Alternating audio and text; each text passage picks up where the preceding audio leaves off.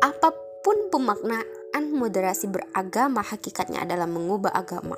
Rektor UIN Syarif Hidayatullah Jakarta, Profesor Dr. Amani Lubis dalam webinar bertanya Merdeka dalam Keberagaman dan Kesetaraan di masa pandemi COVID-19 yang digelar PPIM UIN Jakarta dan Konve Indonesia pada Jumat 20 Agustus 2021 menyatakan bahwa moderasi beragama bukanlah moderasi agama.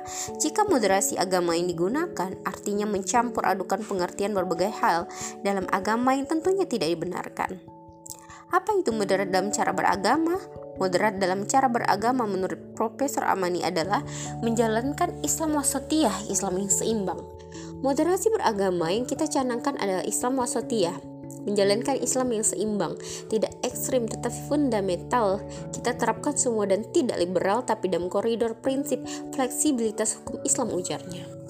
Jika dicermati, pemikiran seperti ini hendak mengarahkan Muslim agar tidak perlu menerapkan semua syariat Islam, cukup sebagiannya saja. Padahal Allah memerintahkan setiap Muslim untuk menerapkan semua syariatnya secara kafah.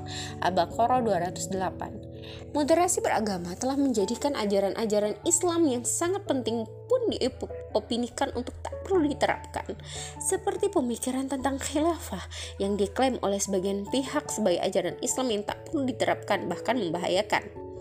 Padahal menegakkan khilafah dan mengangkat seorang khalifah adalah wajib atas kaum muslimin.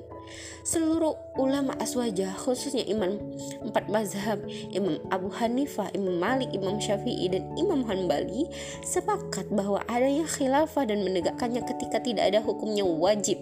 Bahkan khilafah merupakan taj al-furuj mahkota kewajiban tanpa khilafah sebagaimana saat ini sebagian besar syariat Islam di bidang pendidikan, ekonomi, sosial, pemerintahan, politik, politik luar negeri, hukum atau peradilan dan lain sebagainya akan terabaikan.